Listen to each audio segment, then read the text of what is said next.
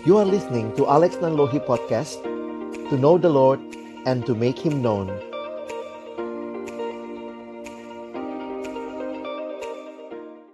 Baik, mari kita kembali berdoa sebelum kita membaca merenungkan firman-Nya.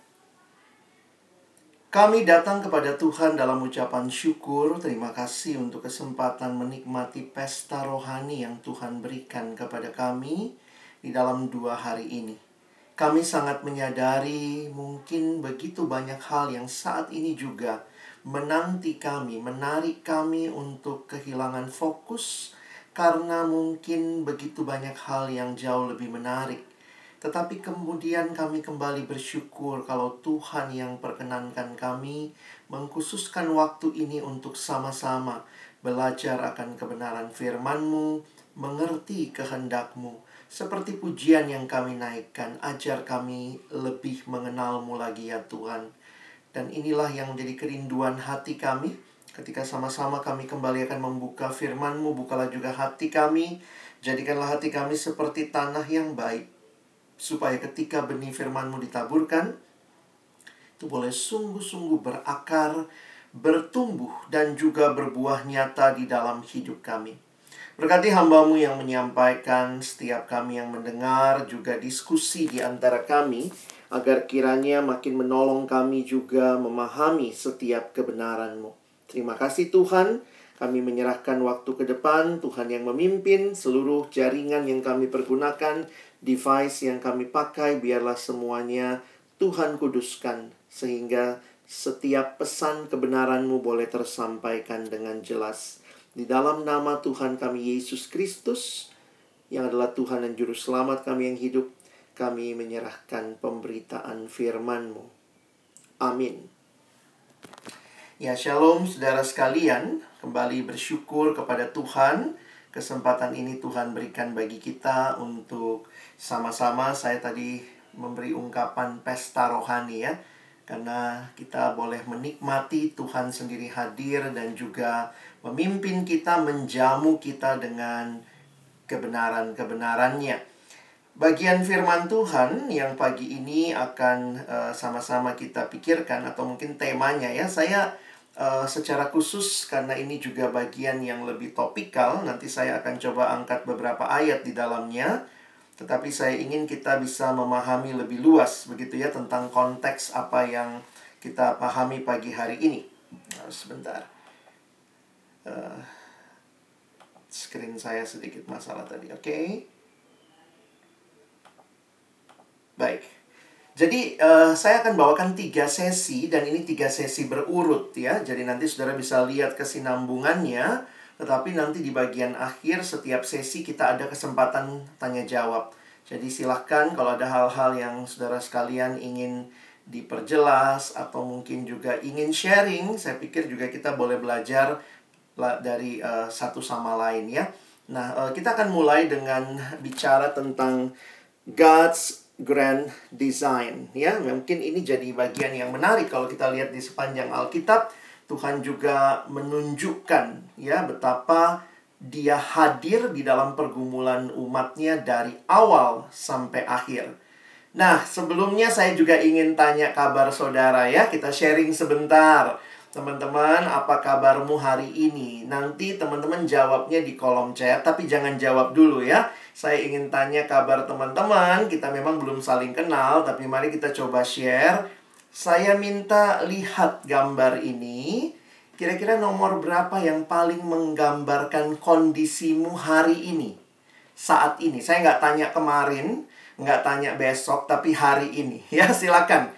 Boleh teman-teman perhatikan sebentar blok trinya Kamu yang nomor berapa ya? biar kita juga boleh saling tahu kondisi yang nggak usah saling membahas eh gila dia nomor 5 loh gitu ya. Mager banget gitu ya. Tapi kalau itu memang kondisi kita feel free to share ya.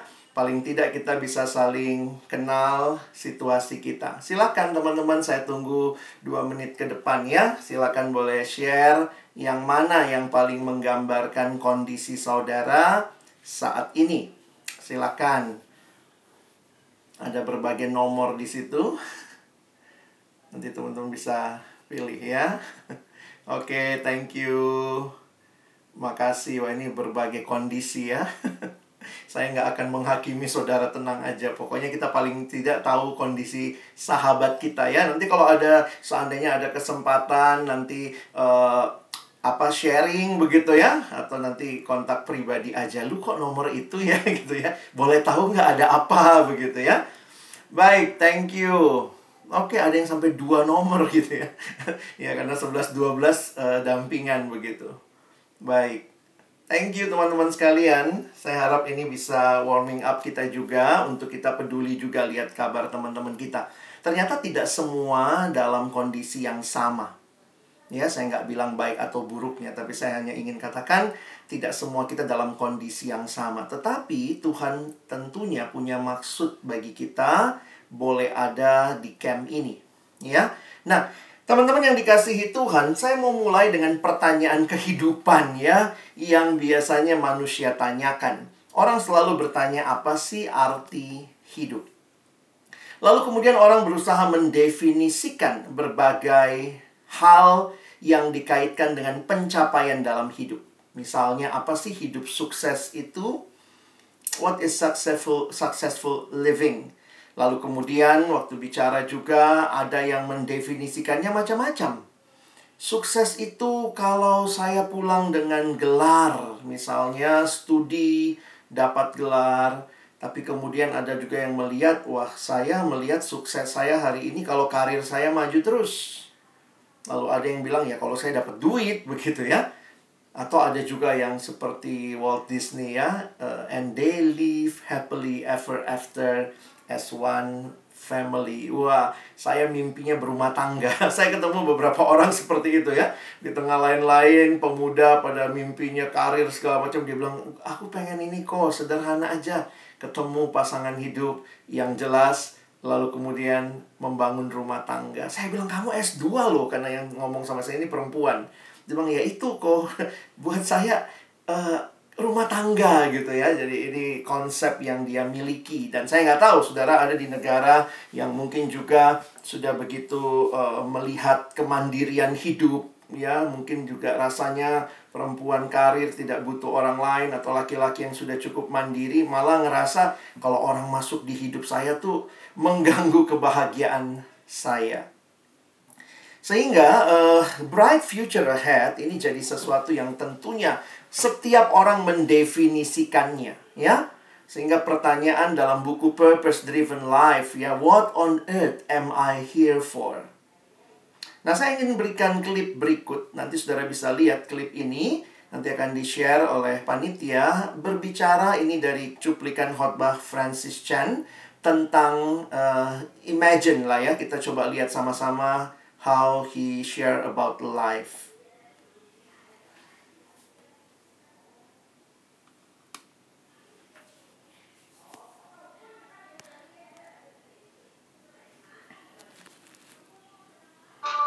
Pretend this rope just goes on forever. Now imagine that this rope is a timeline of your existence. You just exist forever. You see this red part? This would represent your time on earth. You've got a few short years here on earth, and then you've got all of eternity somewhere else. And what blows me away is some of you, all you think about is this red part.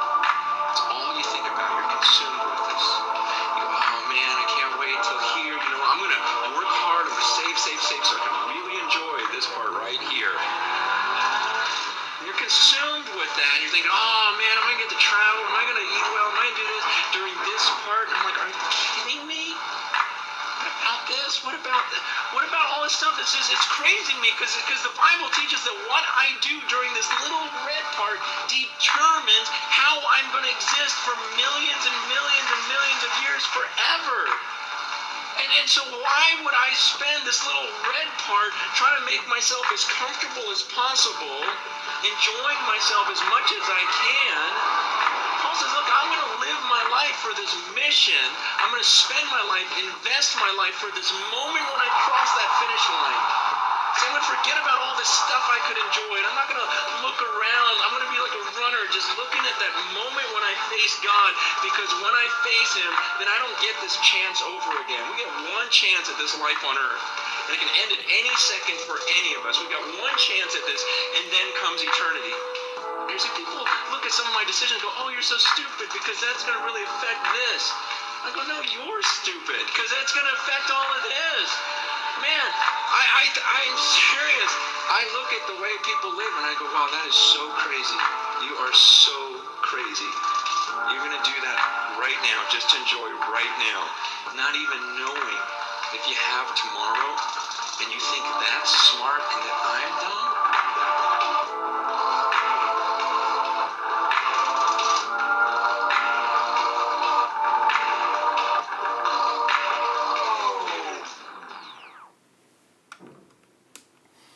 Ya, teman-teman apa sih hidup itu ya? Waktu begitu singkat, tapi kita invest begitu banyak hal di dalam waktu yang singkat ini. Benar kata pengkhotbah, enjoy your life. But again, pengkhotbah mengingatkan bahwa satu waktu kelak kita semua akan menghadap Tuhan dan eh, Tuhan akan meminta pertanggungan jawab dari kita. Jadi, uh, think about eternity will help us to live out our life now. Saya pikir Kristen kita berbicara tentang uh, dua macam hidup. Hidup di dalam Kristus yang kita alami saat ini, tetapi juga kita bicara tentang hidup kekal bersama Kristus selama-lamanya. Dan uh, karena itu saya pikir kita tidak bisa hanya memikirkan hidup ini saja yang sekarang kita jalani, tetapi juga bagaimana kita berpikir serius tentang hidup yang bernilai kekal itu. Nah, saya ingin mengajak kita berpikir sebentar melihat tentang bagaimana manusia melihat realita hidupnya. Sadar atau tidak, setiap kita sedang menghidupi sebuah cerita, ya. Jadi teman-teman sadar atau tidak, setiap kita tuh pasti sedang menghidupi sebuah cerita. Cerita itu bisa aja kita dapat dari mana? Ya dari paling tidak yang paling sederhana dari keluarga kita keluarga yang memberikan sebuah cerita kehidupan bagi kita yang sadar atau tidak shape our lives. Lalu kemudian berkaitan dengan pendidikan kita, berkaitan juga dengan tentunya ya eh, kerohanian atau iman kita karena setiap iman juga punya ceritanya.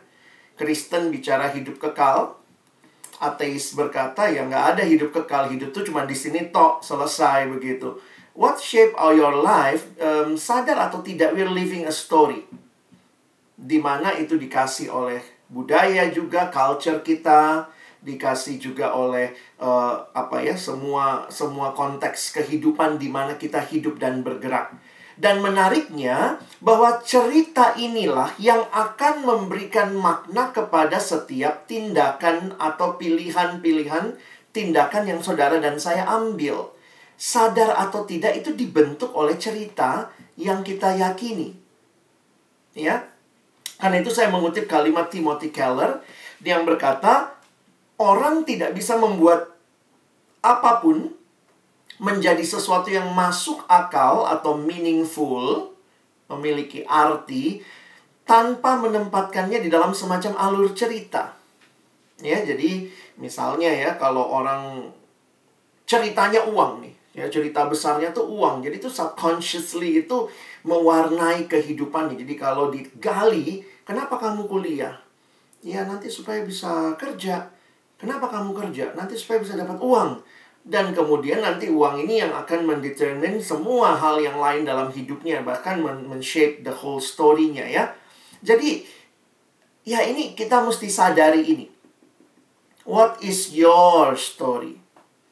Karena dengan ceritamu itulah engkau memandang dunia. Nah, sekarang kita bicara sedikit tentang iman ya. Mengapa ini penting? Karena juga sebenarnya cerita tentang kehidupan itu juga dipengaruhi oleh cerita yang kita terima dari iman kita atau iman-iman yang ada di sekitar kita. Jadi ini sebenarnya terkait ya. Somehow kadang-kadang itu shape the culture. Habis shape the culture ya shape the family. Or even back uh, ini ya uh, sebaliknya dari sebuah family yang mungkin berpengaruh misalnya kemudian shape the culture even shape the country.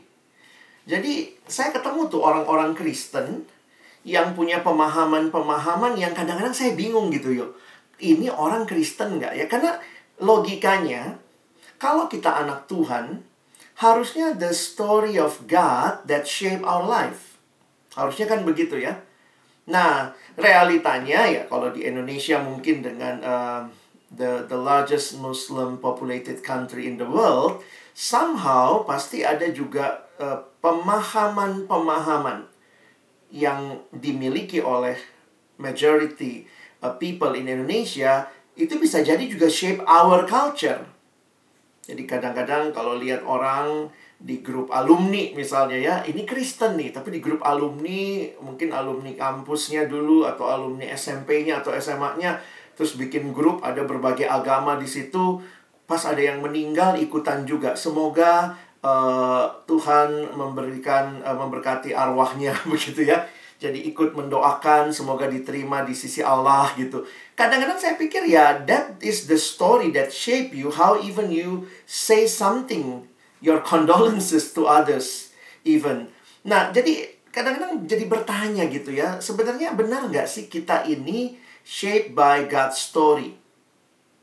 Kita dibentuk oleh cerita kekristenan, ceritanya Allah, or even our family. Bisa jadi keluarga kita ngakunya Kristen dari dulu, tetapi tetap aja ya, Kristen si Kristen, hari Minggu ke gereja, hari lain kalau ada masalah ke dukun. Itu masih jadi cerita yang uh, mungkin juga jadi pandangan yang dipercaya. Dan even saudara sekarang ada di Jepang, even your story may be shaped by the culture around you. Yang kadang-kadang waktu kita balik ke Indo gitu ya, nggak belum tentu klop gitu ya. Ceritanya orang Indo kan alon-alon asal kelakon. telat dikit nggak apa-apa gitu. Kalau di sana telat dikit ketinggalan saudara ya. Karena semua tight schedule dan how you enjoy life. Somehow ada yang bilang gitu ya, ya pokoknya saya seneng di sini karena semua teratur. Terus kalau balik Indo semuanya jadi nggak teratur. Minggu pertama stres. Ya jadi akhirnya kadang-kadang kita jadi saya jadi bertanya gitu ya, what really shape you? Kadang-kadang kita sombong uh, karena kita pernah di luar atau sedang di luar dan waktu pulang tuh kayak berasa iya ya aduh gua uh, culture banget nih, culture shock banget gitu ya saya pernah studi juga di luar dan tinggal di luar. Jadi waktu balik itu tuh kayak ya campuran antara benar-benar memang shock sama kesombongan. Mau ngasih tahu gue dari luar gitu loh. Gue baru pulang nih gitu ya. Somehow I don't fit this culture again gitu ya. Elah padahal dulu juga kamu sekian lama hidup seperti itu gitu ya. Nah, teman-teman saya ingin memberikan gambaran saja bahwa we are living a story and somehow that story shape our life, our choices gitu ya dan even uh, the way we perceive the world, bagaimana kita melihat dunia. Nah, yang kadang-kadang terjadi bahwa kekristenan tuh nggak membentuk hidup banget-banget gitu ya. Kalau jujurly speaking gitu ya, not really shape our life. Orang-orang Kristen pakai istilah-istilah yang juga ada di agama lain gitu ya. Saya ketemu nih anak, karena saya banyak pelayanan kan tadi saudara ya, ke siswa, ke mahasiswa, itu ada yang bilang e, ini pas lagi retret misalnya tiba-tiba kan saya biasanya sekamar tuh sama mahasiswa jadi saya minta sekamar lah ya biar bisa ngobrol bisa ngerti mereka. Terus tiba-tiba iya lu jangan kayak gitu dong ntar karma lo karma lo hah? Kristen? Kok percaya karma? Gitu ya. Nah mungkin buat saudara yang ada di negara negara yang mungkin juga uh, berpikir seperti itu karma itu jadi sesuatu sehingga kalau kita melakukan apa-apa hati-hati lo karma Hah, karma. Kekristenan tidak melihat hidup dalam karma. Karma itu bukan konsep Alkitab, saudara ya. Jadi mungkin kalau kita nonton apa?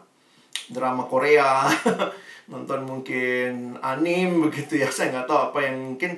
Itu juga ada story-nya, even the, the cultural story, the belief uh, behind that story gitu. Kenapa ada karma? Karma karena ada sistem kehidupan yang melihat hidup itu berjalannya sirkular, muter. Muter sehingga ya ini agama-agama atau kepercayaan yang percaya reinkarnasi karena itu muter. Life is, is a circle. Jadi kalau kamu hidup sekarang nanti balik lagi gitu. Nah, makanya kesalahan eh, hal-hal itu akan dibayarnya di sini, di dalam circle ini. Kalau kamu baik, karma baik nanti. Kalau kamu jahat, karma jahat begitu ya. Kalau misalnya sekarang lahirnya begini, nanti lahirnya bisa lebih rendah begitu ya. Karena turun kastanya begitu. Nah, Kristen kan nggak mengajari begitu. Kekristenan berbicara hidup sebagai linier. Kita mulai di satu titik, lalu kemudian kita terus dalam kekekalan. Itu kekristenan. Karena itu Kristen nggak bicara karma. Karena karma itu tidak ada penghukuman yang sesungguhnya. Kristen bicara dosa. Apa yang kamu buat, kamu akan pertanggungjawabkan. Kamu akan menerima hukuman karena hal itu. Dan hukuman itu bukan sirkular, nanti hidup lagi, balik lagi. Jadi karma itu seperti ya tanpa sadar ya seperti marmut di dalam lingkaran yang muter terus begitu. Nah, even our way of thinking, way of perceiving things, way of um, doing relationship, jangan-jangan juga bukan the Bible story that really shape us. Nah, ini begitu kuat ya melalui drama, film, pendidikan, kebudayaan itu semua masuk tuh tanpa kita sadari. Saya pikir nggak ada ya orang tua yang lesin anaknya matre. Ada nggak teman-teman waktu kecil papa mama pulang sekolah pergi nak les matre gitu ya. Tapi tanpa sadar tuh masuk loh. Kadang-kadang mikir dari mana matre itu. Karena mungkin waktu pergi arisan nih, apalagi yang orang-orang Batak atau dari kami orang-orang dari timur gitu ya, yang melihat kesuksesan itu apa uh, uang, harta, tahta gitu ya.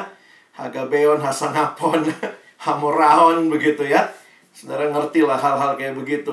Mungkin waktu datang arisan, lalu kemudian mama atau papa ngomong, lihat itu anak tulangmu, itu namanya sukses, lihat mobilnya. Nah masuk tuh di anak.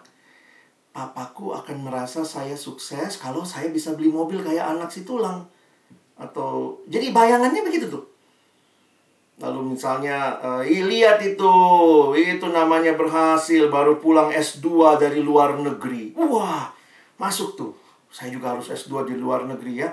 Jangan sampai cuma dalam negeri. Oh, nanti lebih hebat lagi di luar bumi kalau perlu begitu ya.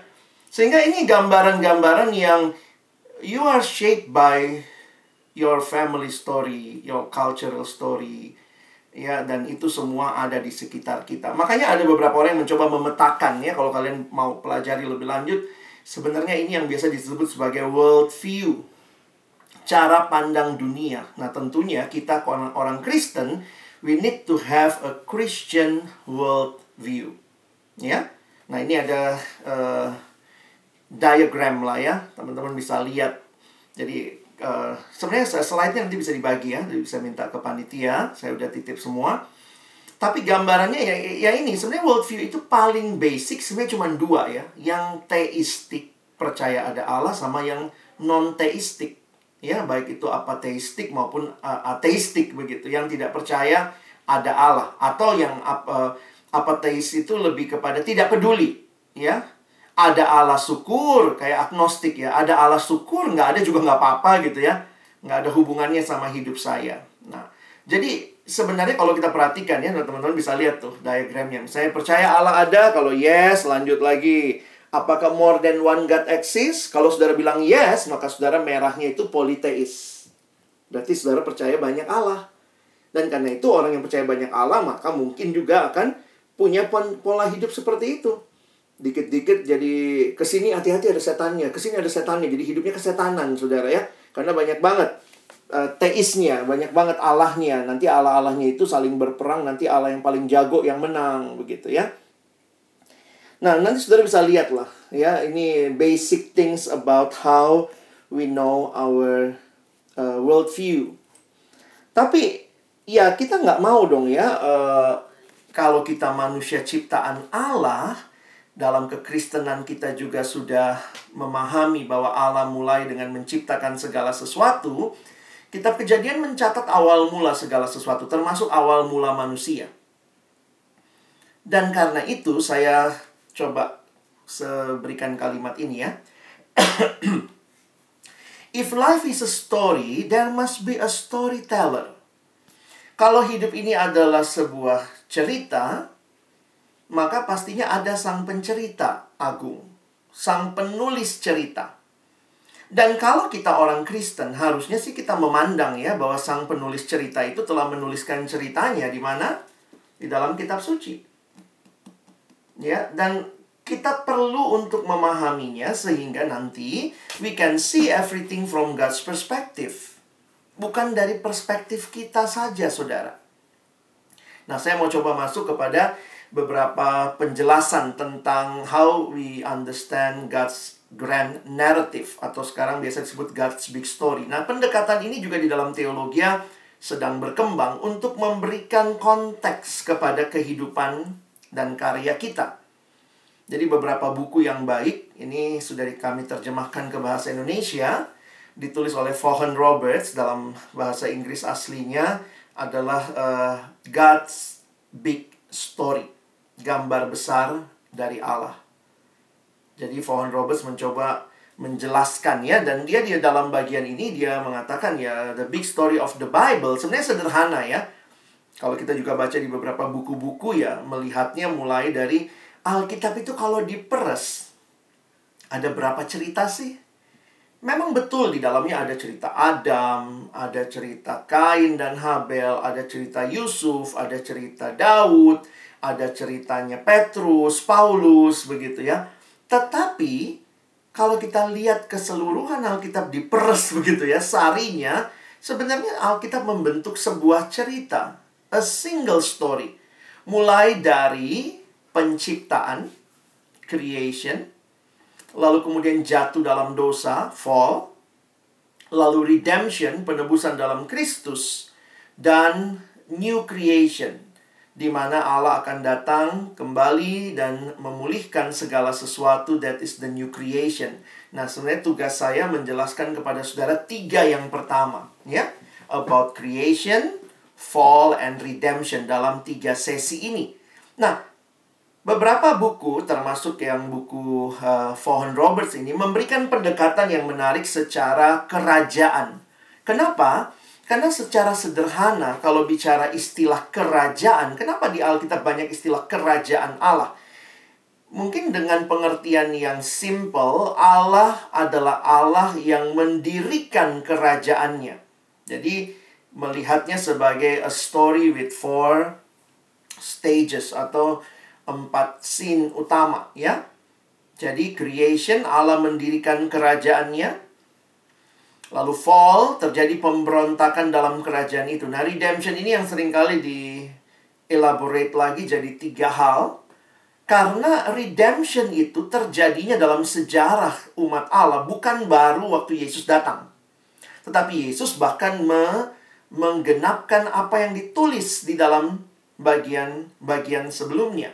Sehingga kita mesti lihat redemption dari karya Allah memilih Abraham Sang raja memilih Israel dimulai dengan Abraham. Lalu kemudian sang raja Yesus datang sendiri. Tapi kemudian dia kembali ke surga kan? Jangan lupa. Maka karya keselamatannya diteruskan kepada kita untuk memperluas kerajaan itu dan kita masih menanti babak yang keempat, the glorious atau glorification atau new creation tergantung buku apa yang saudara pakai yang akan berbicara kembalinya sang raja, the return of the king. Nah, di dalam buku yang ditulis lebih jauh lagi ada beberapa ahli karena saya uh, eh, S2-nya belajar misiologi. Salah satu buku teks yang kami pakai adalah tulisan dari Bapak Christopher Wright. Nah, Christopher Wright dalam satu bukunya atau yang disebut dengan Misi Umat Allah, The Mission of God's People, jadi dia tulis beberapa buku ya misi umat Allah, kemudian dia tulis juga buku misi Allah. Jadi Mission of God, Mission of God's People. Nah, dia mencoba memberikan uh, pemahaman. Dia profesor perjanjian lama, jadi dia coba bikin pemahaman dari tiga hal tadi ya, tetap tiga hal tadi. Uh, empat hal tadi maksudnya. Penciptaan, kejatuhan, penebusan dalam sejarah, dan penciptaan baru. Nah, ini yang saya katakan dimulai dari Allah memilih Abraham. Terakhir saya ketemu dengan dia 2019 yang lalu namanya ahli profesor ya Dia terus mempelajari dan sekarang dia bilang, e, saya menjelaskan the Bible big story di dalam tujuh babak. Wah sekarang jadi tujuh babak gitu ya. Nah poinnya dia sebenarnya dia coba memecah beberapa hal ini. Ya saudara bisa lihat ini waktu saya ketemu terakhir saya dengar lecture dia. Dia memberikan God's big Bible's big story is like a drama in 7x. Nah, dia bilang sebenarnya kita bisa ini ya. Kalau teman-teman mau jelaskan, ada temanmu tanya, "What is your Bible about?" Langsung bilang, "You have two minutes, I will explain in just two minutes. I will explain the whole story of my Bible only in two minutes." And even at the back of an envelope, you can um, um, uh, draw these images gitu ya uh, these symbols. Kan teman-teman bisa jelasin mulai dari creation ya. Lalu terjadi rebellion that is the second uh, X lalu kemudian promise di dalam perjanjian lama Allah menjanjikan keselamatan digenapi dalam Kristus nomor 4 Nah, lalu kemudian dia menyebutnya sebagai mission, New Testament mission. Dan nanti kita lihat Ketika Kristus datang kembali, Dia akan membenarkan segala sesuatu atau memulihkan segala sesuatu, dan kita akan bersama-sama dengan Dia di dalam the new creation, hidup yang kekal. Jadi kalau kita ba, apa lipat dua, itu salib persis di tengah, ya. Creation ketemu new creation, rebellion ketemu judgment, Old Testament promise ketemu New Testament mission. Bagi saya ini menarik ya, cara dia menjelaskan karena akhirnya kita melihat, wow, teman-teman kita ada di nomor berapa sekarang? Coba kita lihat, kita nomor berapa? 1 sampai 7, kita nomor berapa? Nomor 2. Bukan ya? Oh, saya sebelah ular, Pak. saya yang waktu itu cuma nggak sempat selfie, nggak ya? We are in number 5. Kita di nomor 5, ya. Sehingga just looking at this um, apa ya di stages gitu ya, this X, kita langsung bisa mengatakan our life atau we, we are on a mission. That's as simple as that. Dan kemudian Bapak Christopher Wright ketika dia menjelaskan ini semua, dia jelasin teorinya segala macam begitu ya. Terus kemudian kan kita jadi bertanya, wow, begitu ya ceritanya. Tapi ada kalimat yang dia katakan dan it struck me ya. Dia bilang begini, This is not only a story, but this is God's word. Makanya waktu ditanya, Pak, untuk sesi satu ayat Alkitabnya yang mana? The whole Bible kali ya. You need to you need to really look at the whole Bible to understand God's grand narrative, God's grand uh, story. Jadi kalau saudara memperhatikan ceritanya gini loh ya. Saya saya jadi sadar begini ya. Saya harap kita juga bisa reflect on our thinking ya. Gimana ini bukan sekadar teori, inilah firman Tuhan. Kalau saudara nanti lihat perjalanan Yesus dengan murid ke Emmaus, dua murid, perhatikan Yesus menjelaskan kepada mereka tentang seluruh kitab suci about him. Jadi bagi saya ini jadi menarik ya. Perlu memahami the whole story of the Bible. Kenapa?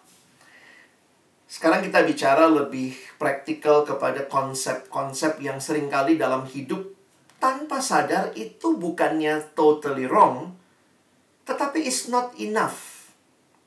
Banyak kali pemahaman kita tentang hidup, bahkan dalam hidup Kristen kita, kita nggak memahami dengan utuh. Ya, contohnya begini. Waktu saudara bicara rencana hidup saudara, calling saudara, panggilan hidup saudara. Nanti kemudian nanti mau yang tadi ya, mungkin ada yang mau cari duit, ada yang apa segala macam. Pertanyaannya apakah ini tentang engkau?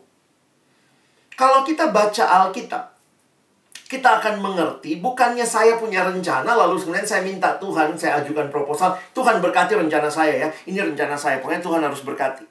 Bukan begitu cara kita mengerti.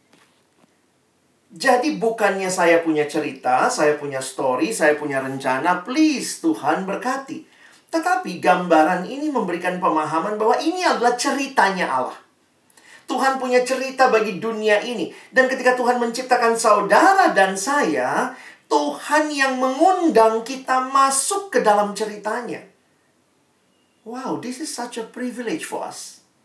This is not your story. This is not my story.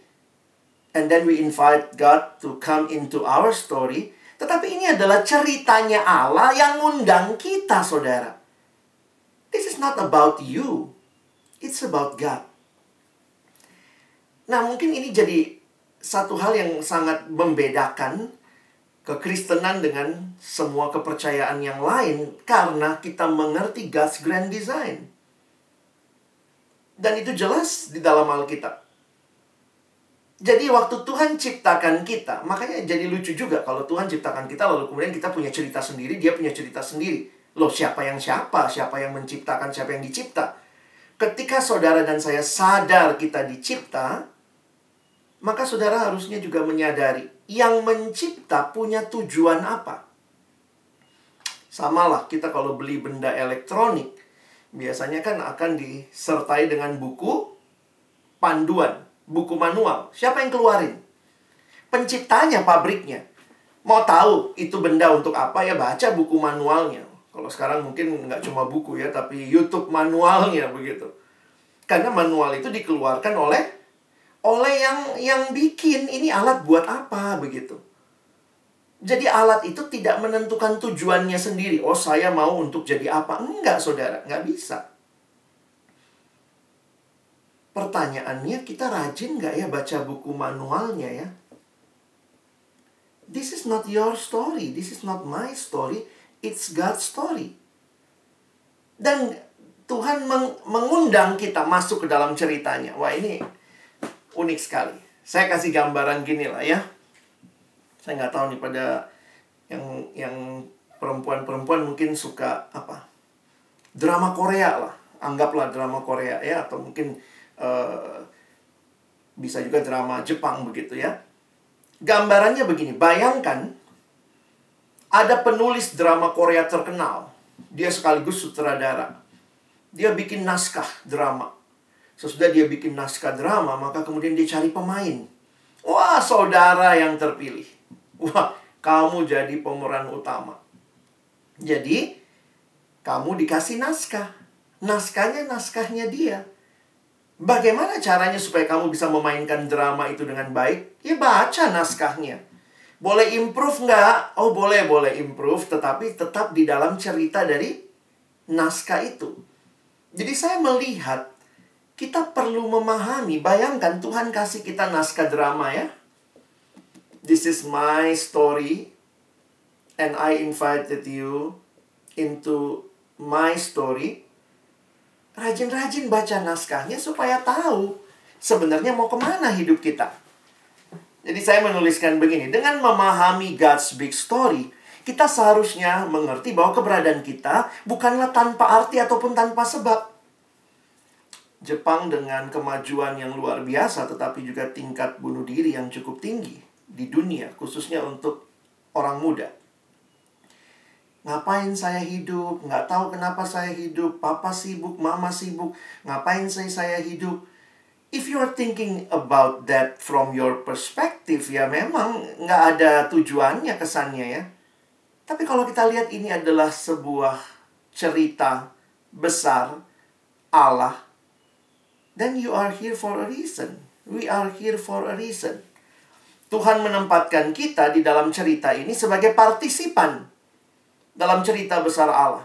Apa yang kita lakukan harus dilihat sebagai bagian dari keseluruhan kisah Allah dalam dunia ini. Saya minggu-minggu kemarin banyak dapat sesi LSD ya, love, sex, dating ya, entah uh, di mahasiswa, di alumni gitu ya. Pertanyaan saya sebenarnya sebelum bicara ini, Saudara mau berkeluarga untuk apa? Saudara mau pacaran buat apa? Kalau kita mengerti kita ada dalam kisah besar Allah, then we always have to ask. Ngapain saya lakukan ini? Bagaimana yang saya lakukan ini will fit God's story, the whole story of God.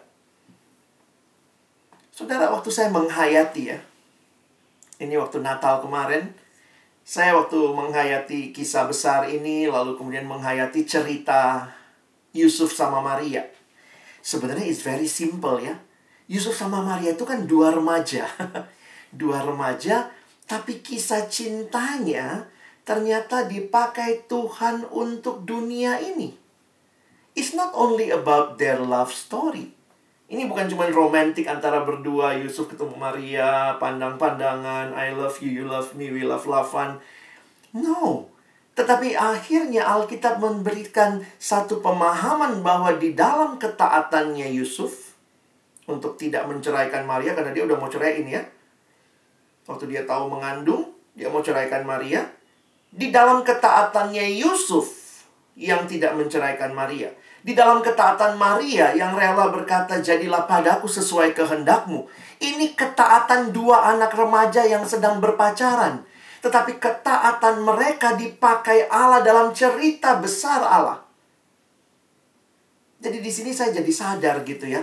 Kadang-kadang kita juga mikir gini, maksudnya gimana sih Pak? Masa cerita saya dipakai Tuhan dalam cerita besarnya. Kadang-kadang kita menebak-nebak kayak mana ceritanya ya. Kalau saya sederhana aja, jalani hidupmu di dalam ketaatan sehingga engkau bisa menyadari bahwa ternyata engkau bukan sekadar menjalani hidupmu saja, tetapi Allah sanggup merangkai kisah hidupmu. Ketaatan-ketaatan yang kau pilih untuk menikmati dan hidup dalam kehendaknya.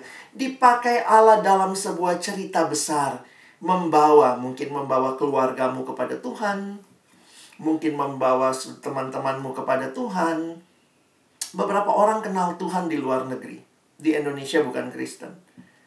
Dan waktu mereka pulang, di keluarga yang tidak kenal Tuhan, ketaatan dia, belajar tetap hormat kepada orang tua, saudara-saudara meskipun mungkin dicaci, ternyata jadi cerita yang bukan hanya tentang dirinya dan Tuhan, tetapi dirinya dan Tuhan dan keluarganya dan kemudian orang-orang yang lebih besar lagi.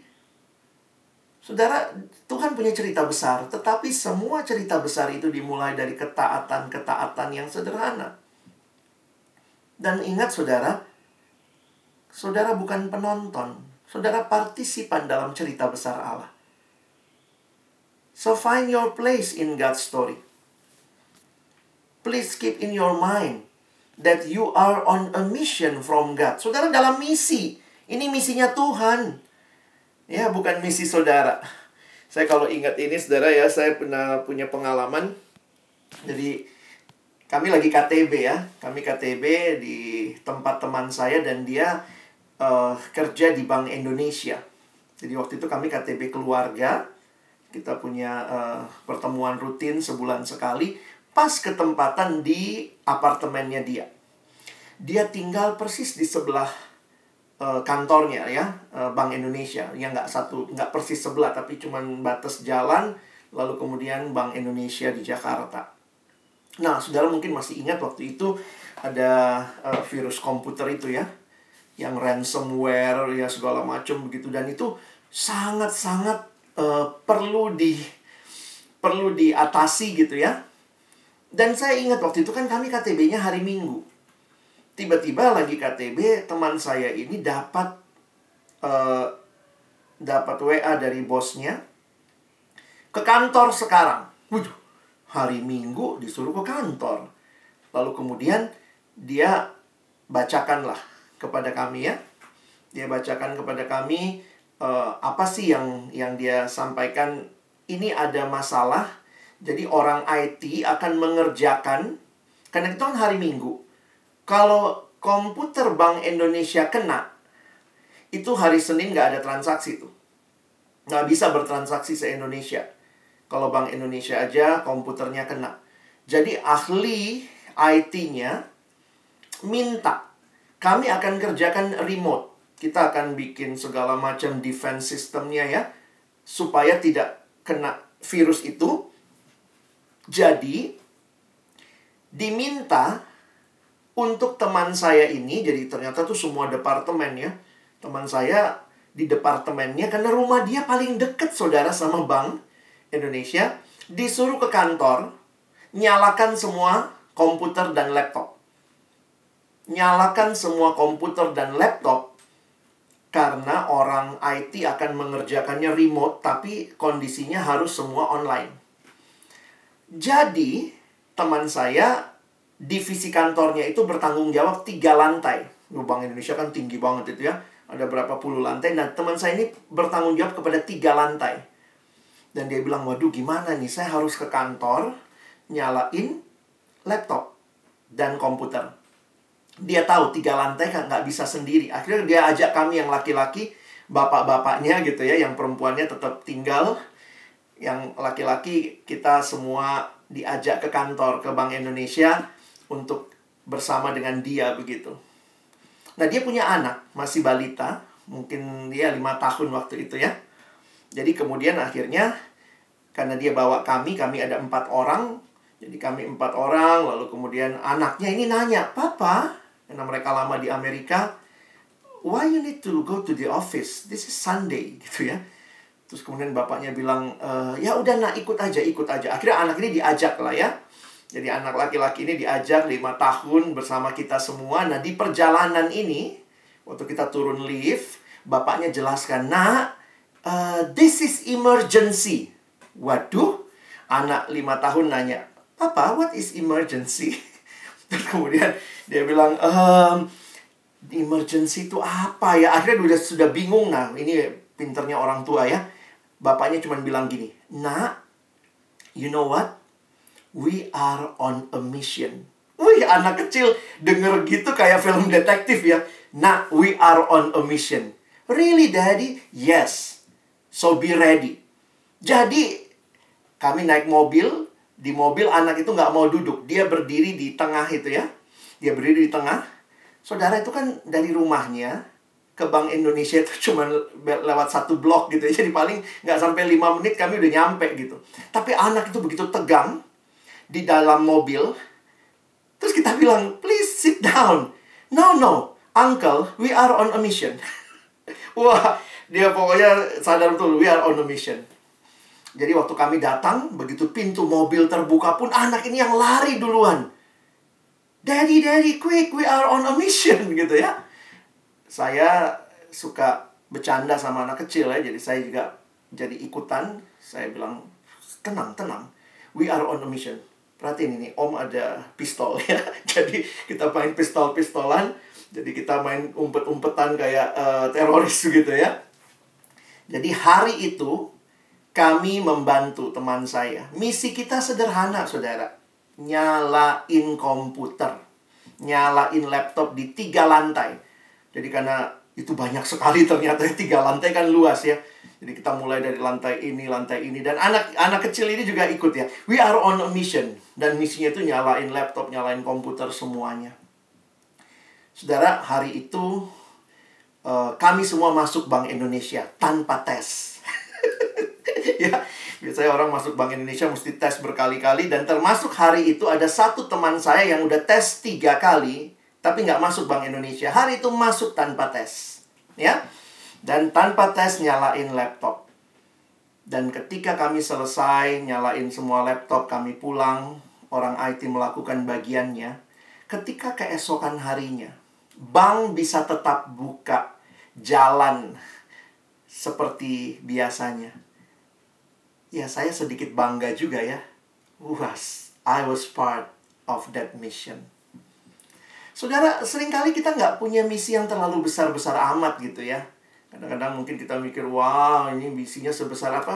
Sesederhana menyalakan laptop mungkin ya. Tapi waktu kita doing our part, we participate in God's mission. Kenapa? Karena Tuhan sedang punya cerita. Dan Tuhan memakai saudara dengan begitu sederhananya setiap kita. Atau ada juga yang mungkin merasa your part is very big. Somehow, Tuhan sedang memakai kita. Mengerti ini bukan cerita kita, tapi ceritanya Allah mengerti bahwa kita baca naskahnya sehingga kita bisa tahu bagaimana menjalankan semua pilihan hidup dalam ketaatan, dalam kekudusan, dalam kebenaran sehingga ini akan effect our whole being. Kalau saudara mengerti ini kisahnya Allah, how it will affect your study? Studimu buat apa? Ketika saudara mau berbuat curang dalam studi, pinjam penelitian orang, copy paste, tanpa sadar juga mungkin mau plagiat ya, padahal pinginnya ngutip tapi jadi kepanjangan ngutipnya. It's very ya shallow ya antara uh, tipis sekali bedanya antara kutip dan plagiat kalau udah lebih gitu ya. how you see your study. Gimana saudara melihat studimu? Kontribusi apa yang sedang saudara berikan dalam cerita besar Allah melalui studimu? Pekerjaan saudara, ini bukan cuma sarana cari duit. Betul, dalam pekerjaan kita dapat duit.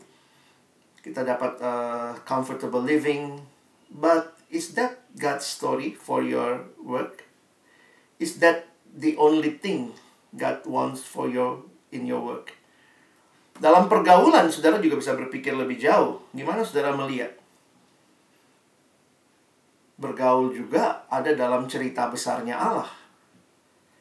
Relationship, kalau saudara sudah masuk dalam uh, pacaran mungkin, apakah kita berpacaran dalam kekudusan, dalam kebenaran? Saudara, saya nggak terlalu bangga jadi orang yang ya dulu begitu ya. Kalau pulang dari luar negeri rasanya aduh gue saya dulu studi di Inggris ya. Gue makin Inggris nih cara pikirnya nih. Nggak ngerti gue lihat orang Indonesia gitu. Gue makin Jepang nih cara mikirnya nih bingung gue lihat orang Indonesia mikir padahal kita masih ada Indonesia juga ya bingung nih gue Jerman banget nih sekarang mikirnya harusnya kita lebih bangga gue nih Kristus banget nih mikirnya gitu ya karena banyak budaya Jepang, budaya Korea, budaya Inggris, budaya Jerman, even budaya Indonesia yang nggak sesuai firman Tuhan. Apa bangganya kita? Saya uh, pacarannya makin terbuka kok, uh, kontak fisik itu nggak apa-apa. Saya kan dari luar gitu. Is that the the value of Christians? And even our family. Ya, apakah ini semua untuk kemuliaan Allah? Jadi saudara, ini pemahaman yang harusnya shape our life dan waktu hidup kita berubah akan shape our culture, I hope, and shape even uh, our church gitu ya. Bagaimana untuk kemuliaan Allah. Saya tutup dengan beberapa refleksi lagi.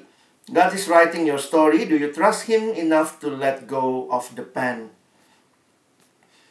Life is a story. Give God the pen and let Him write yours and keep in your mind you can trust God to write your story. Nah, ketika saudara berbicara dalam tema camp kali ini tentang masa depan ya, termasuk do you uh, apa ya fear of the future, Alkitab mengingatkan janganlah hatimu iri kepada orang-orang berdosa, tetapi takutlah akan Tuhan senantiasa. Karena masa depan sungguh ada dan harapanmu tidak akan hilang. We have a future with God. Kenapa? Karena ceritanya nggak selesai di, kalau saya mati. That is not the God story. Kalau saudara lihat, matinya kita bukan selesai, tapi memulai lagi hidup bersama Allah bahkan selama-lamanya. Itulah gambaran yang Rope tadi, yang digambarkan Francis Chan. So we have a future with God. Hidup dalam dosa berakhir kematian, tapi nggak demikian. Tuhan tuh pegang masa depan kita. Ada satu kutipan pernah saya lihat di ruang praktek dokter ya. Di ruang praktek dokter saya karena nunggu terus saya lihat-lihat ada gambar saudara itu gambar pantai panjang sekali pantainya begitu lalu kemudian di ujung sana ada matahari terbit. Lalu ada kalimat pertanyaan begini ya kira-kira kalau saya nggak salah ingat Are you afraid about tomorrow? Lalu kemudian di matahari itu ada huruf besar semua agak bold itu kayak menjawab Tuhan menjawab Kalimatnya gini. Do not afraid about tomorrow. I was there. Ya kalau kita ngerti bahasa Inggris ya bukan cuman I am there, I was there. Satu kutipan yang saya dapat juga ya, ini dari All Daily Bread. Don't worry about tomorrow, God is already there. Sehingga kalau saudara sekarang mengerti God's grand narrative, God's grand design for you, Lihat kalimat Yesus. Bukankah burung pipit dijual dua ekor seduit? Namun seekor pun daripadanya tidak akan jatuh ke bumi dari di luar kehendak Bapamu. Dan kamu, rambut kepalamu pun terhitung semuanya. Ada yang sempat hitung rambut tadi pagi? Waktu nyisir, gugur berapa gitu ya. Ini Tuhan ngomong begini nih gimana ya? Rambut kepalamu pun terhitung semuanya. Sebab itu janganlah kamu takut. Karena kamu lebih berharga daripada banyak burung pipit, saudara. Ada yang tahu jumlah rambut mana yang paling banyak? Nanti bisa kuis ya, pertanyaan ya. Kira-kira menurut saudara mana yang paling banyak? Rambut hitam itu untuk orang-orang di negara-negara yang umumnya kayak kita ya, Indonesia, Asia gitu. Merah itu banyak di Amerika Latin.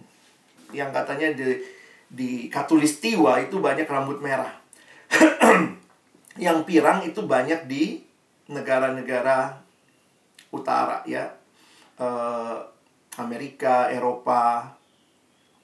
Nah, menurut penelitian rata-rata ya rambut hitam itu kira-kira 120 ribu helai. Nanti kalau nggak percaya silakan hitung habis ini ya. Ini rambut merah. Ini merah beneran ya, bukan merah karena dicat ya. Ada kan yang buceri ya, bule cat sendiri itu ya. Rambut merah itu 90 ribu helai. Rambut pirang itu paling banyak ternyata ya. 145 ribu helai. Ya ini secara umum lah. Waktu orang memetakan kerambutan di dunia ya Tuhan adil juga ya, yang dingin, negara-negara dingin rambutnya lebih tebal. yang di Katulistiwa rambut merah, kalau dia tebalnya 145 gitu ya, dia ntar pingsan gara-gara panas kepalanya. Waktu kita sadar Tuhan pelihara hidup kita sedemikian sempurna, maka masa depan itu bukan jadi sesuatu yang kita takutkan, tapi kita nantikan. Dan bahkan kita jalani bersama dengan Tuhan.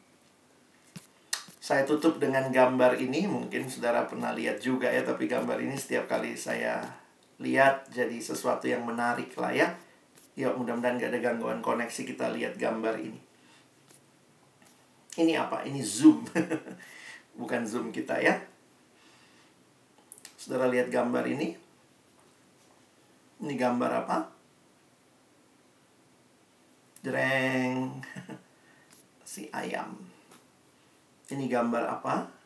This is part of another picture. Ini apa? Another part of other pictures. Yaitu ayamnya di dalam sana tadi. Jadi ini ternyata lagi zoom out ya. Hmm, itu di dalam banget tadi. Nextnya kita lihat. Hmm, next lagi. Jreng kita lihat lagi. Wah, udah kebayang tuh ini apa. Toys.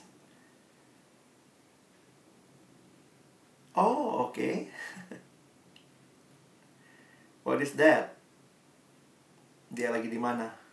Oh lagi duduk di mana dia duduk? Pinggir kolam renang. Kolam renangnya di mana ini? Oke. Okay. Di atas kapal pesiar. Kapal pesiarnya di mana? Oh, kapal pesiarnya ada di bus kota. Bus kota. Bus kotanya ada di mana? Oh, ada di situ. Ada di televisi. TV-nya ada di mana? Ada orang nonton TV di padang gurun. Oh, dia di Arizona. And this is only a stamp. Orang itu lagi pegang surat. Kita lihat lebih jauh. Itu dia di sana pegang surat.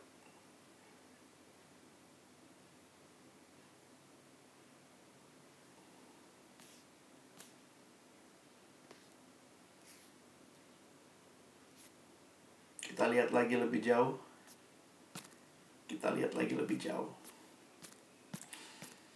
Kita adalah bagian dari sebuah cerita yang Allah sedang rangkai di dalam dunia ini. Bagaimana seharusnya respon kita? Trust God. When we trust God, the future always hold hope. Saya tutup dengan kalimat Santo Agustinus. Trust the past to God's mercy the present to God's love, and the future to God's providence. Kiranya pemahaman ini menolong teman-teman sekalian mengerti siapa Tuhan dan mengerti dirimu di dalam rencana Tuhan dan berani menjalaninya hidup dalam ketaatan kepada Tuhan hari demi hari. Amin. Saya kembalikan kepada moderator atau MC.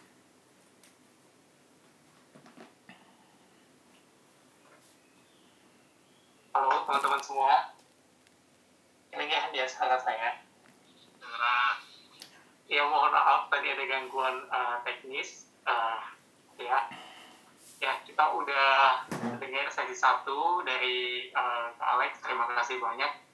Wah ternyata kita semua dalam rencana Tuhan yang begitu besar ya. Kita semua di sini we are on a mission.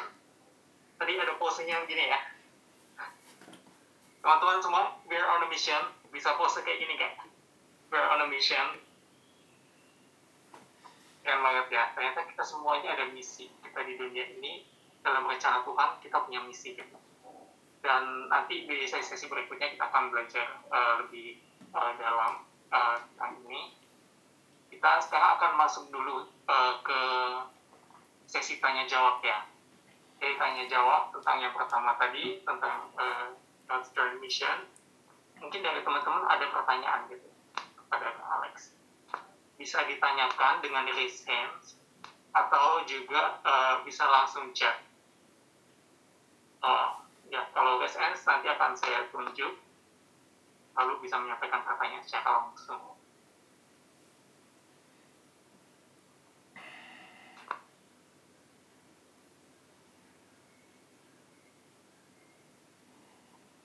Ada yang resens uh, mungkin mohon bantu panitia ya kalau saya ada yang kelewat ada yang resens nggak kelihatan.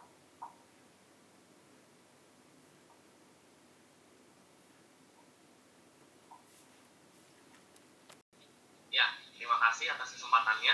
Uh, yang saya akan coba membuka ini. Mungkin uh, saya ada pertanyaan untuk Pak Alex.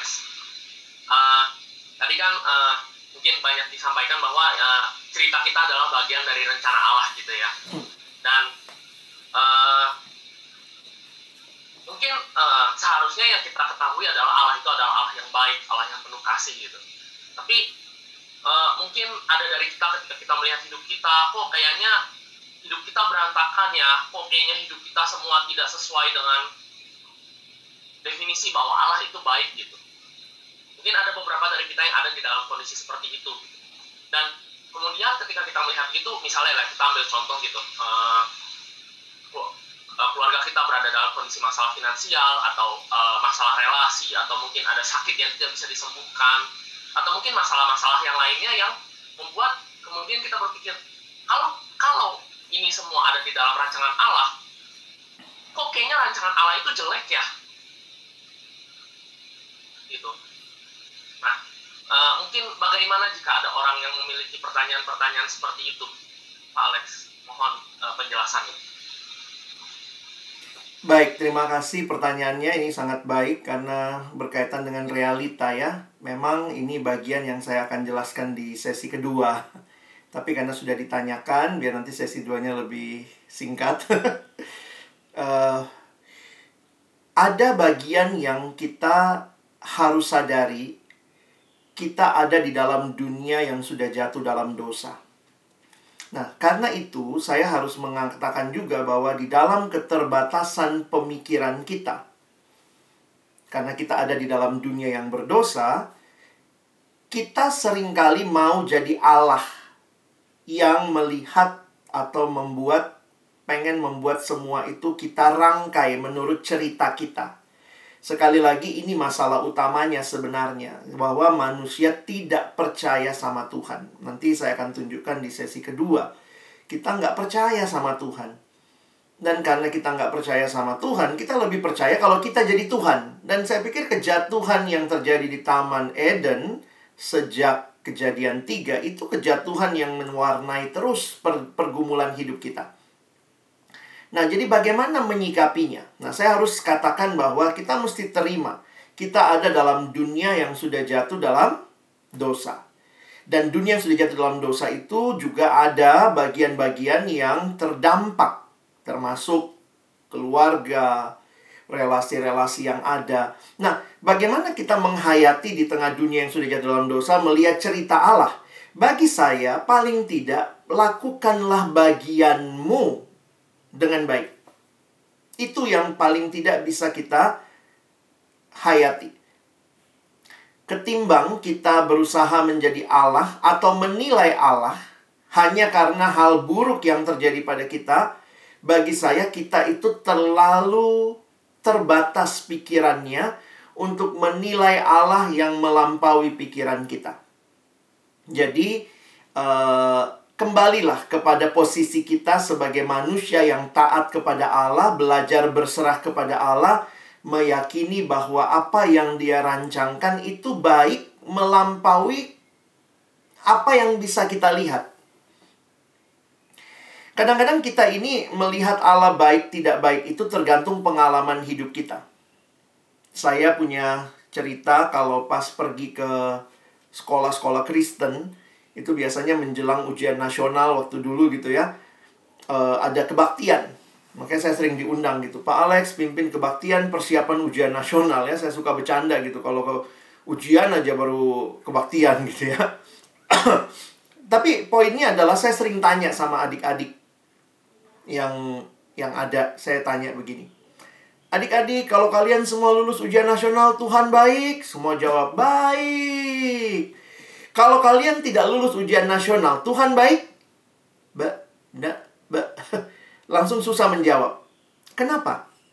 Karena kita punya konsep Tuhan itu jadi baik kalau yang saya alami baik.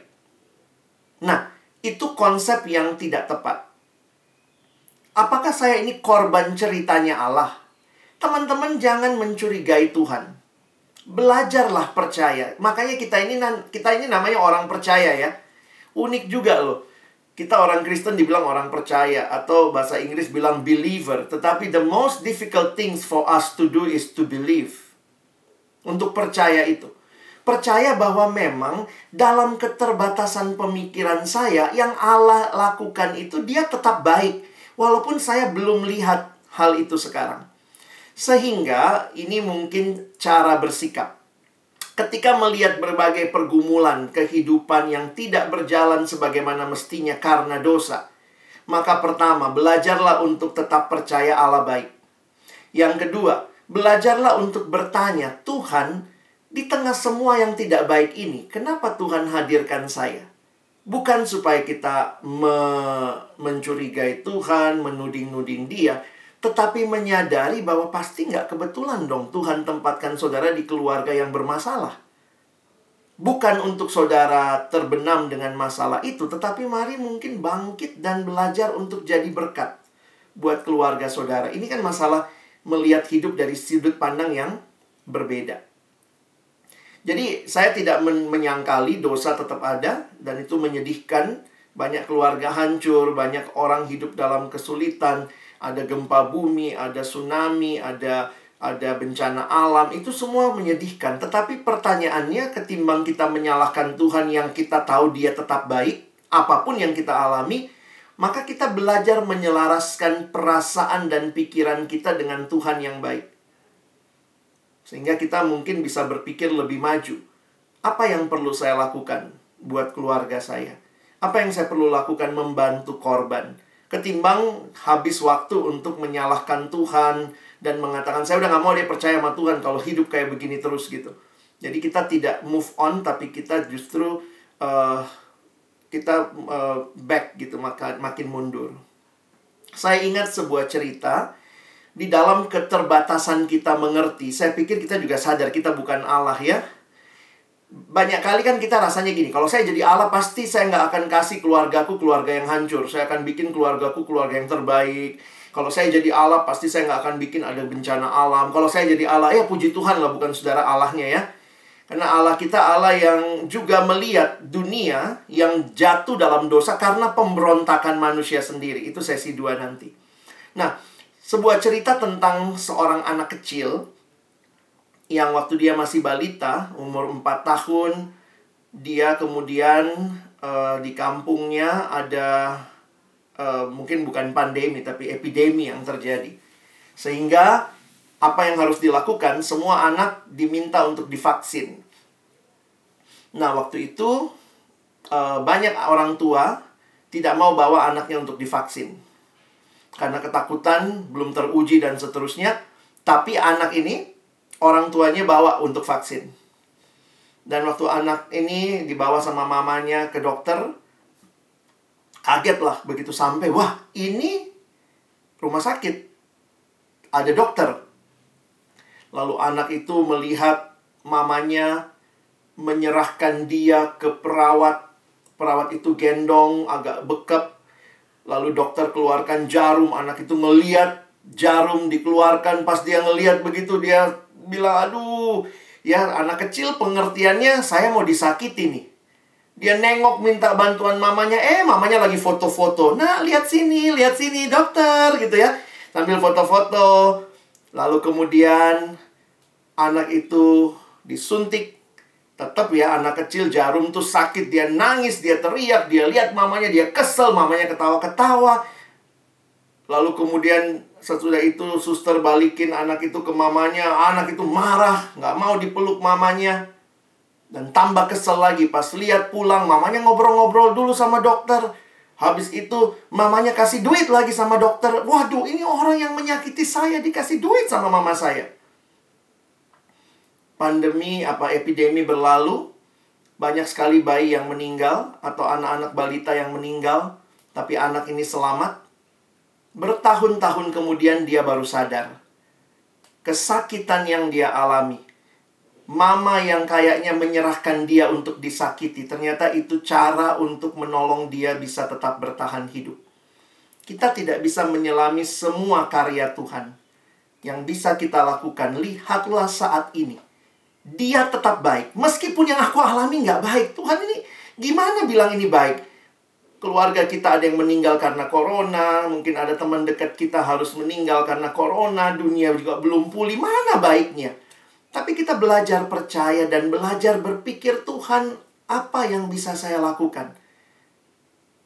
Dan mungkin di sinilah jadi peran kita jadi bisa lebih jelas ya. Jadi jangan dikon jangan dibenturkan antara dosa dalam dunia dengan kebaikan Allah karena saya pikir itu akan membuat kita jadi meragukan Allah kalau kita tidak hati-hati. Mungkin itu Darren. Baik, terima kasih Alex atas penjelasannya.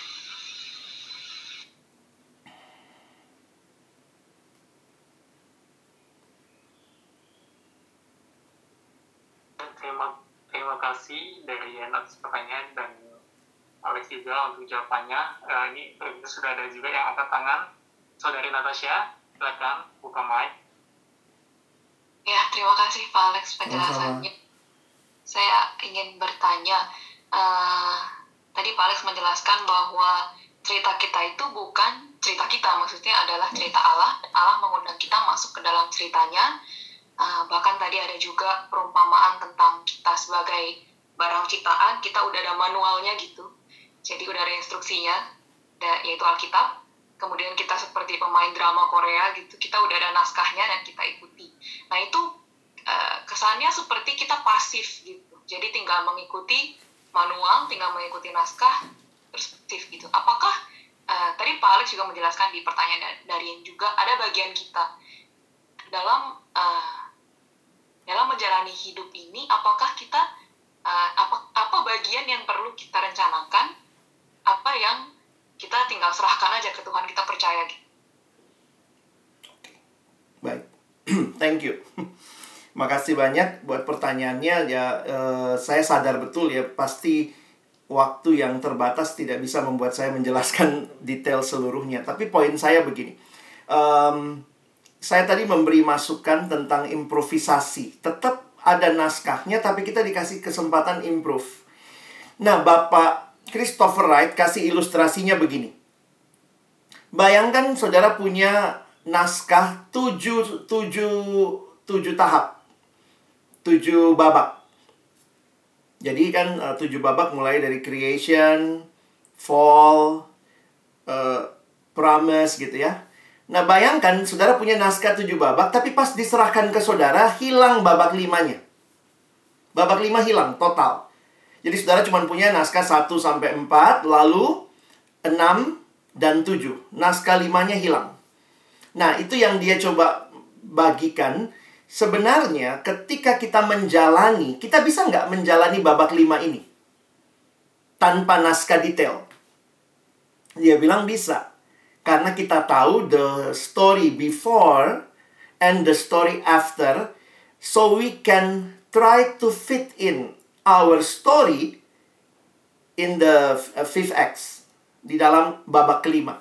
Nah, saya melihat yang Tuhan kasih kepada kita tuh cuman cuman jelas bahwa keselamatan dalam Kristus dia akan datang kembali kedua kali. Nah, menjalani cerita-cerita kita, teman-teman ada yang jadi dosen, ada yang jadi mahasiswa, ada yang jadi uh, mungkin bisnismen, ada yang jadi uh, pegawai kantoran, ada yang jadi ibu rumah tangga, ada yang jadi apa pun itu, itu ceritanya kesannya kan cerita kita. Tetapi how we live out that story dalam babak kelima, saya pikir babak 1 sampai 4 dan babak 6 dan 7 mewarnai kita. Makanya saya lebih melihat di sini improve-nya kita sesuai dengan prinsip-prinsip yang ada di 1 sampai 4 dan 6 dan 7. Nah, di sini kebebasan yang sebenarnya Tuhan berikan ya. Tuhan tidak ngatur detail, maka kerjanya pertama bangun jam berapa, harus ke mana itu sesuatu yang Tuhan izinkan saudara dan saya hidupi. Nah, mungkin memang penjelasan saya tadi karena saya mau menarik grand design-nya dulu bahwa seluruh cerita kita bukan cerita kita nih. Bukan akhirnya bagi kesuksesan saya. Kalau itu jadi cerita kita, we miss the whole point of the story. Tapi waktu kita bisa menempatkan pekerjaan saya untuk kemuliaan Allah, rumah tangga saya untuk kemuliaan Allah, pacaran saya untuk kemuliaan Allah, rumah tangga saya untuk kemuliaan Allah, Nah, saya lebih melihat saya tertolong dengan ceritanya Bapak Christopher Wright. Bayangkan naskah kelima hilang. Can you still live it? Di mana saudara di sini dikasih kesempatan kuliah, ada di luar negeri, nanti mungkin pulang for good, nanti ada yang tetap di Jepang. Bagaimana saudara melihat itu semua sebagai babak limamu yang kamu harus mengerti dari babak 1, 4, dan 6, 7?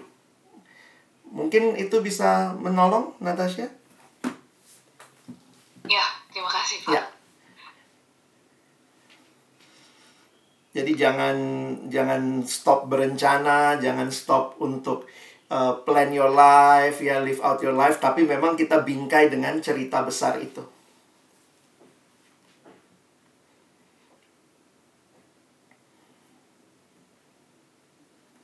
terima kasih Natasha buat pertanyaannya dan Kak tentu jawabannya kayaknya udah bisa menjawab sesi 5 ya. uh, ya bagus sekali. Uh, ternyata kita dalam rencana Tuhan, kayak kita juga harus secara aktif ya memilihkan kita dalam pekerjaan, dalam studi. Apa sih yang bisa kita lakukan, bagaimana kita bisa memuliakan Tuhan. Ya, terima kasih. Dari teman-teman yang lain mungkin apakah ada pertanyaan? Kita masih punya waktu uh, sekitar 10 menit lagi.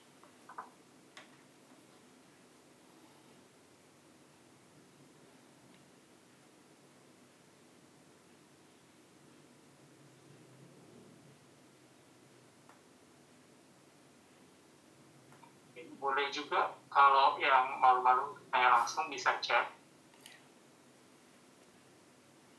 Oh iya. Tanya apa Pak? Ya silakan Kenneth. Oh, Selamat siang, Pak. Selamat siang.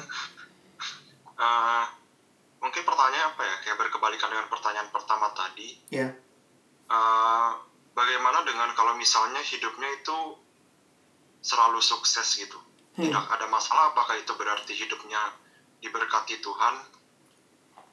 Uh, ya mungkin bagaimana dengan pendapat itu karena saya berkali-kali banyak mendengar juga kalau apa pun kalau percaya dalam Tuhan tuh apa pun yang dilakukan itu pasti berhasil. Hmm. Baik. Nah itu bagaimana dengan seperti itu? Terima kasih. Terima kasih pertanyaannya, Kenneth. Uh, kita sadar betul bahwa um, kita harus lihat Alkitab secara utuh. Ya kita nggak bisa tutup mata ya. Ada pengajaran-pengajaran bahkan dianut oleh gereja-gereja tertentu sampai kemudian keluar kalimat seperti yang Kenneth sampaikan.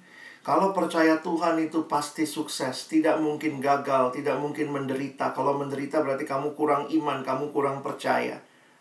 Kalau seperti itu, definisi sukses, maka mungkin Yesus yang paling tidak fit dalam uh, definisi itu. Di mana hidupnya nggak sukses, nggak punya tempat menaruh kepala gitu ya. Jadi waktu saya merenungkan itu ya, walaupun itu dibantah lagi ya. Ini kalau dalam teologi dibantah-bantahin karena orang-orang yang punya pemahaman itu sebenarnya itu yang disebut sebagai teologi sukses.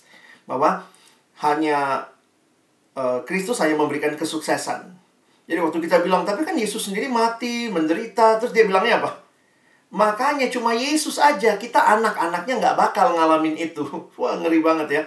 Pokoknya dibikinlah supaya akhirnya kekristenan itu seperti membuat orang masuk ke dalam hidup yang berkelimpahan dan menyedihkannya, berkelimpahannya equal materi. Berkelimpahannya equal sukses menurut dunia. Saya tidak menolak kesuksesan kalau itu Tuhan berikan buat kita. Itu ada di Alkitab, ada orang-orang yang mengalami sukses dalam arti yang dunia lihat. Tetapi apa sukses yang sesungguhnya? Bagi saya orang yang hidup taat kepada kehendak Allah, itulah sukses yang sesungguhnya. Mungkin untuk taat itu dia harus mengalami. Oke okay lah kalau Yesus kita keluarkan dari contoh itu kalau Paulus kita masukkan definisi kesuksesannya teologi sukses, Paulus tuh paling nggak sukses matinya di penjara. Paulus tuh paling nggak sukses hidupnya juga nggak punya apa-apa. Tapi dia punya hati yang mentaati Allah. Jadi sejak saya mengerti hal itu, saya menolak teologi sukses. Saya bukan menolak suksesnya. Tuhan mungkin izinkan kesuksesan, tetapi untuk mentaati rencana Allah, kehendak Allah, dua kemungkinan bisa sukses. Ada orang yang senang dengan kamu, lalu mungkin jadi melihat iya ya buah pekerjaanmu. Tapi juga bisa jadi karena kita ikut Tuhan, misalnya perusahaan saya nggak mau korupsi, perusahaan saya nggak mau tipu pajak, perusahaan saya benar-benar menjalankan prinsip kekristenan, tapi kemudian akhirnya untungnya kecil, yang nipu pajak untungnya besar. Nah, mana yang sukses? Bukan materi yang menentukan kesuksesan, tetapi ketaatan kepada kehendak Allah. Nah, sulitnya kita sulit untuk menghakimi ini pasti taat ini enggak. Setiap orang akan mempertanggungjawabkan di hadapan Tuhan. Karena itu, kalau saya ditanya tentang kesuksesan, saya selalu bawa sukses itu bukan karena punya materi. Beberapa orang diizinkan Tuhan punya materi bukan sebagai berkat, tapi sebagai kutuk. Dengan materi itu dia jadi menjadikan itu segala-galanya. Itu sesi dua nanti akan saya bahas. Jadi mari kita melihat Alkitab as the whole things.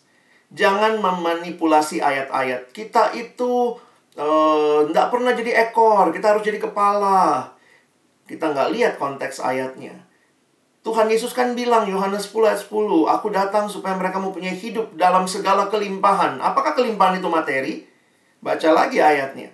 Jadi saya pikir kita mesti mengerti bahwa Tuhan tidak anti kesuksesan materi, Tuhan bisa kasih, tetapi Tuhan pun bisa mengizinkan kita mengalami penderitaan karena ketaatan kepada kehendak Tuhan. Jadi itu yang harus kita lihat. Makasih. Terima kasih Pak Alex. Uh, terima kasih Pak Alex. Terima kasih juga untuk pertanyaannya sangat menarik ya. Kita ada dua ekstrim juga. Uh, kalau kita sukses, bagaimana kita memandangnya ya. Lalu ini kita sudah dapat pertanyaan lagi dari Pak Widodo di chat. Saya bacakan, berkaitan dengan kedaulatan Allah, apakah rencana atau rancangan Allah bisa berubah di dalam hidup manusia? Wah ini pertanyaan luar biasa ya. Butuh seminar Pak. di dalam teologi kita pakai istilah karena kita manusia terbatas. Nah, istilah-istilah itu mungkin bisa menolong, walaupun mungkin tidak bisa menjelaskan seluruh realita Allah yang tidak terselami pikiran kita. Kadang-kadang saya pikir begini ya, hal-hal yang tidak cukup jelas di Alkitab, tetapi mungkin konsepnya jelas, misalnya ya Tuhan memilih, Tuhan merancangkan sesuatu, kadang-kadang kita sulit untuk menghayati dalam konteks waktu. Karena kita ini hidup dalam waktu. Sementara rencana Tuhan tuh kekal. Nah, jujur aja saya kadang-kadang nggak terlalu mau masuk ke diskusi-diskusi tentang yang kekal karena saya belum pernah punya dimensi kekal seperti Tuhan. Jadi ada hal-hal yang kita sulit memahami bagaimana prosesnya. kita selalu berpikir proses. Misalnya, kalau dipilih berarti dia nggak bebas dong. Kalau dipilih dia robot dong. Ya, kita kan selalu mau tanya, lalu prosesnya bagaimana? Nah, waktu bicara bagaimana prosesnya, kita pun sudah membatasi Allah harus mengikuti konsep waktu kita. Nah, makanya sekali lagi kalau saya melihatnya mungkin bisa dijelaskan seperti ini. Kalau kita bagi dua, ya sekali lagi ini keterbatasan kalimat manusia ya. Kalau kita bagi dua, maka ada rancangan Allah yang kekal yang tidak berubah. Tapi itu wilayah yang tidak bisa kita diskusikan karena kita nggak ikutan sama Allah, tidak punya sifat seperti Dia waktu menciptakan dan menetapkan sesuatu. Yang jelas kita tahu dia punya rancangan yang kekal. Nah, di dalam hal ini kita bilang itu nggak bisa berubah. Tetapi, rancangan Allah yang kekal ini, Allah tuh bekerja di dalam waktu.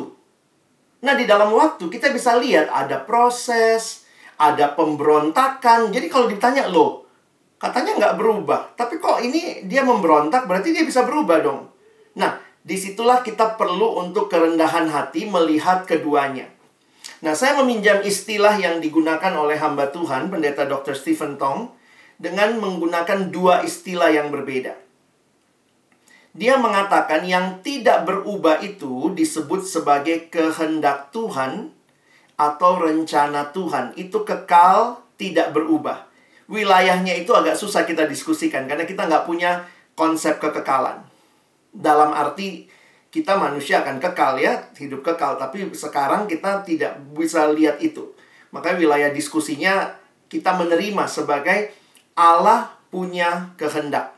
Allah punya rencana. Nah, istilah kedua yang dipakai dalam waktu, uh, pendeta Stephen Tong menggunakan istilah pimpinan Allah.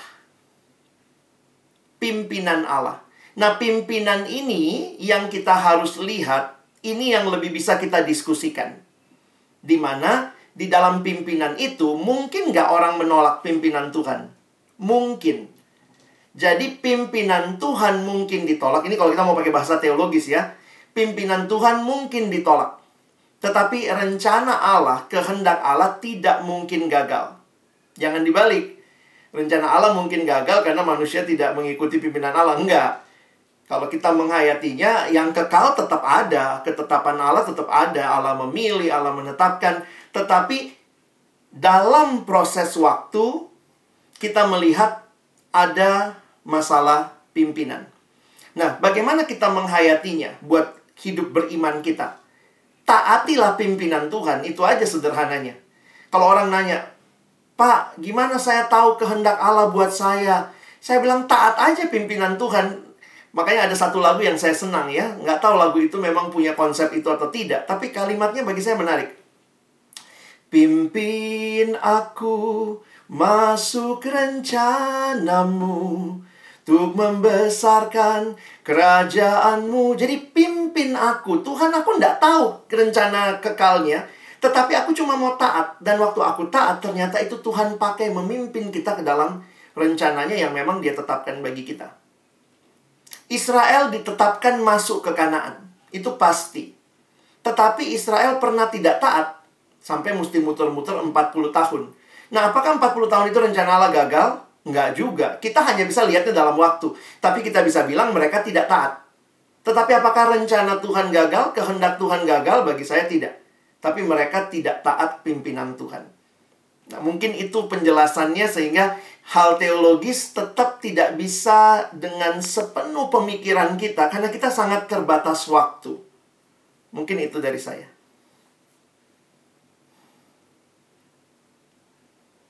Terima kasih Pak untuk penjelasan dan jawabannya.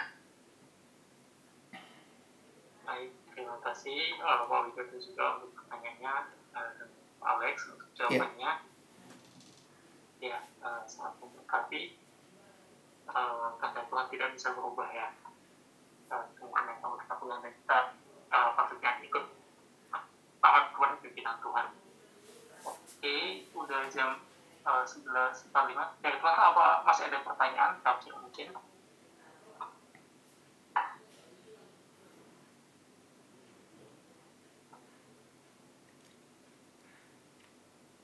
tidak ada ya uh, ini ada dari. Ines dari Ines Pak oke Ines silakan mungkin pertanyaan terakhir Makasih Ko Ishak, terima kasih Pak Alex. Sama-sama. Eh, saya mau sedikit bertanya Pak, em, bagaimana eh, Bapak mungkin menanggapi orang atau satu world view, satu pandangan eh, di mana tidak melihat urgensi dalam mengikuti God's grand design gitu. Jadi tidak melihat urgensi untuk hidup taat kehendak Tuhan, hidup bagi kemuliaan Tuhan gitu.